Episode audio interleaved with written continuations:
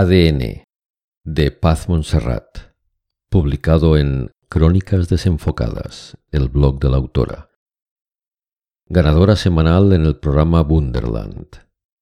Voz Miquel Llovera, de Anveu Alta, anveualta.cat.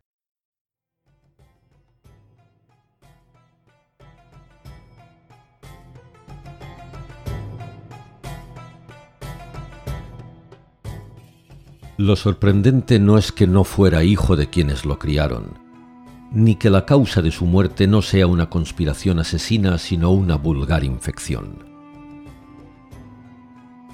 No me impresiona saber qué comió la última vez ni qué enfermedades hubiera tenido de viejo. Ninguna objeción al incesto. Tengo la piel muy gruesa con tanta serie policíaca.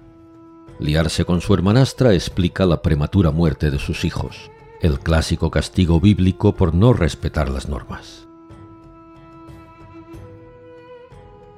Lo único que me deja totalmente desolado es que el pobre Tutankamón no pudiera llevarse ni un solo secreto a su escondidísimo sarcófago.